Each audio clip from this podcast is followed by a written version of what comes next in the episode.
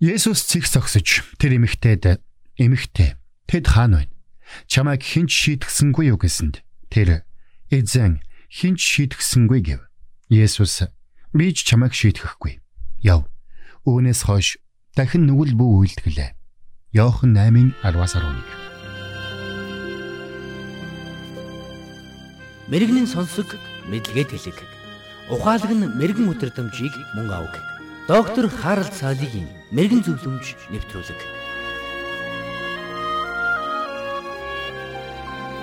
Таны тарих зүрх хоёр хоорондоо зөрчилдөж эхлэх үед та яадаг вэ? Нэгэн Христэд итгэвч залуу бүсгүй гэр бүлийн амьдралдаа сэтгэл дундуур болжээ.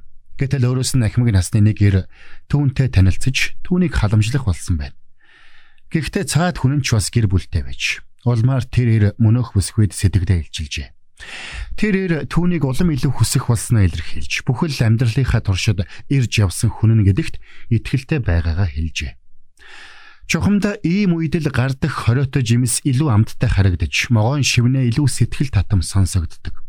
Ийм байдалд орсон хүний зүрх хүчтэй зохилж, сэтгэл хөдлөл дээд зэгтээ хүрдэг. Тэр тусмаа гэр бүлийн амьдралдаа сэтгэл дундуур байдаг хүмүүсийн сэтгэл маш их хөдөлдөг. Гэвч эцэст нь Тэр хүн давах ёсгүй шугамыг давсныхаа төлөө амьдралаа сөөрүүлж орхидог юм. Энэ тухайга нэгэн сонсогч маань бичгтээ миний амьдрал бүхлээрээ нуран унж байна. Ажлын бүтээмжид манч сөргөөр нөлөөлөх боллоо. Би ажилдаа анхаарлаа хандуулж чадахгүй болчиход байна. Би минь ямар ч ирч хүчгүй болчихлоо. Би одоо яах вэ? хэмээн асуусан байна. Энэ мэд сэтгэл санааны орооцолдооноос өөрийгөө салгаж авна гэдэг хэцүү. Гэхдээ та үнийг заавал хийх ёстой. Хэрвээ та ийм байдалд орсон бол би таныг Библийн ишлэлээр бөмбөгдмөөргүй байна. Учир нь таны мэс чанар таныг хангалттай яллаж байгаа. Гэхдээ би танд нэг зүйлийг хэлье. Гэр бүлээс гадуурх харилцаанд эрэгтэй эмэгтэй хүмүүс өөр хоорондоо эрс ялгаатай байдлаар ханддаг. Ирчүүд энэ тал дээр илүү бие махбодын талаас ханддаг бол эмэгтэйчүүд илүү сэтгэл зүйн талаас ханддаг. Өөрөөр хэлбэл эрчүүд эмэгтэйчүүдийн эсэргүүцлийг дарж авахын тулд тэднийг уран үгээрээ уяраадаг. Өөрөөр хэлбэл тэдний сэтгэл зүйд нөлөөлөхийг оролддог. Гэвч энэ нь хайр биш, харин хүсэл тачаалын илрэл байдаг. Гэтэл бид сэтгэл санааны гүн гүнзгий хэрэгцээгээ ийм байдлаар хизээж хангах боломжгүй юм. Магадгүй тийм учраас л Бурхан бидэнд гэр бүлээс гадуурх харилцааг зөвшөөрөөгүй зэ.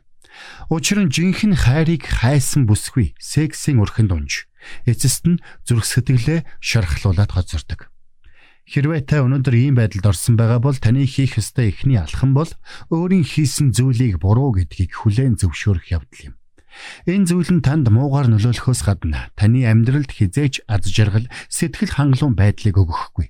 Тийм ч учраас Бурхан үүнийг нүгэл хэмээн нэрлсэн юм. Хэдийгээр энэ нь танд маш хэцүү санагдаж байж болох ч Та энэ харилцаагаа нин даруй зогсоож энэ хаалгыг дахиж онгойхооргүйгээр хаах ёстой.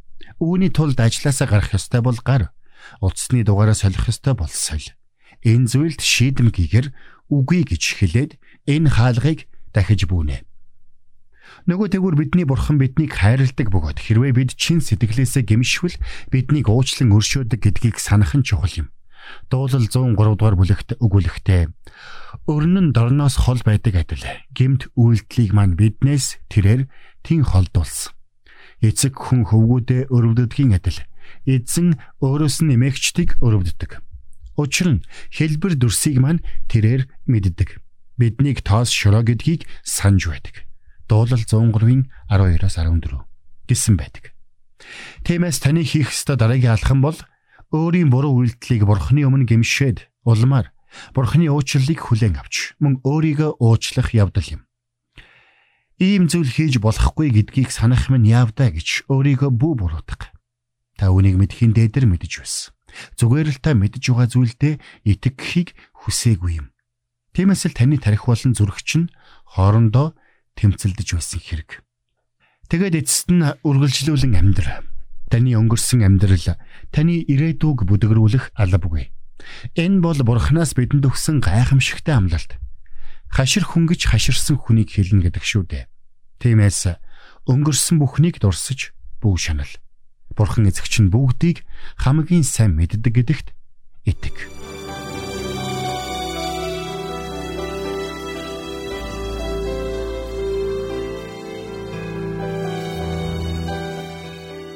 Мэргэн нэгнийг дагуул мэргэн, мулгуутай нөхөрлөл хорлол. Доктор Харалт цайлигийн мэрэгэн зөвлөмж нэвтрүүлэг танд хүрэлээ.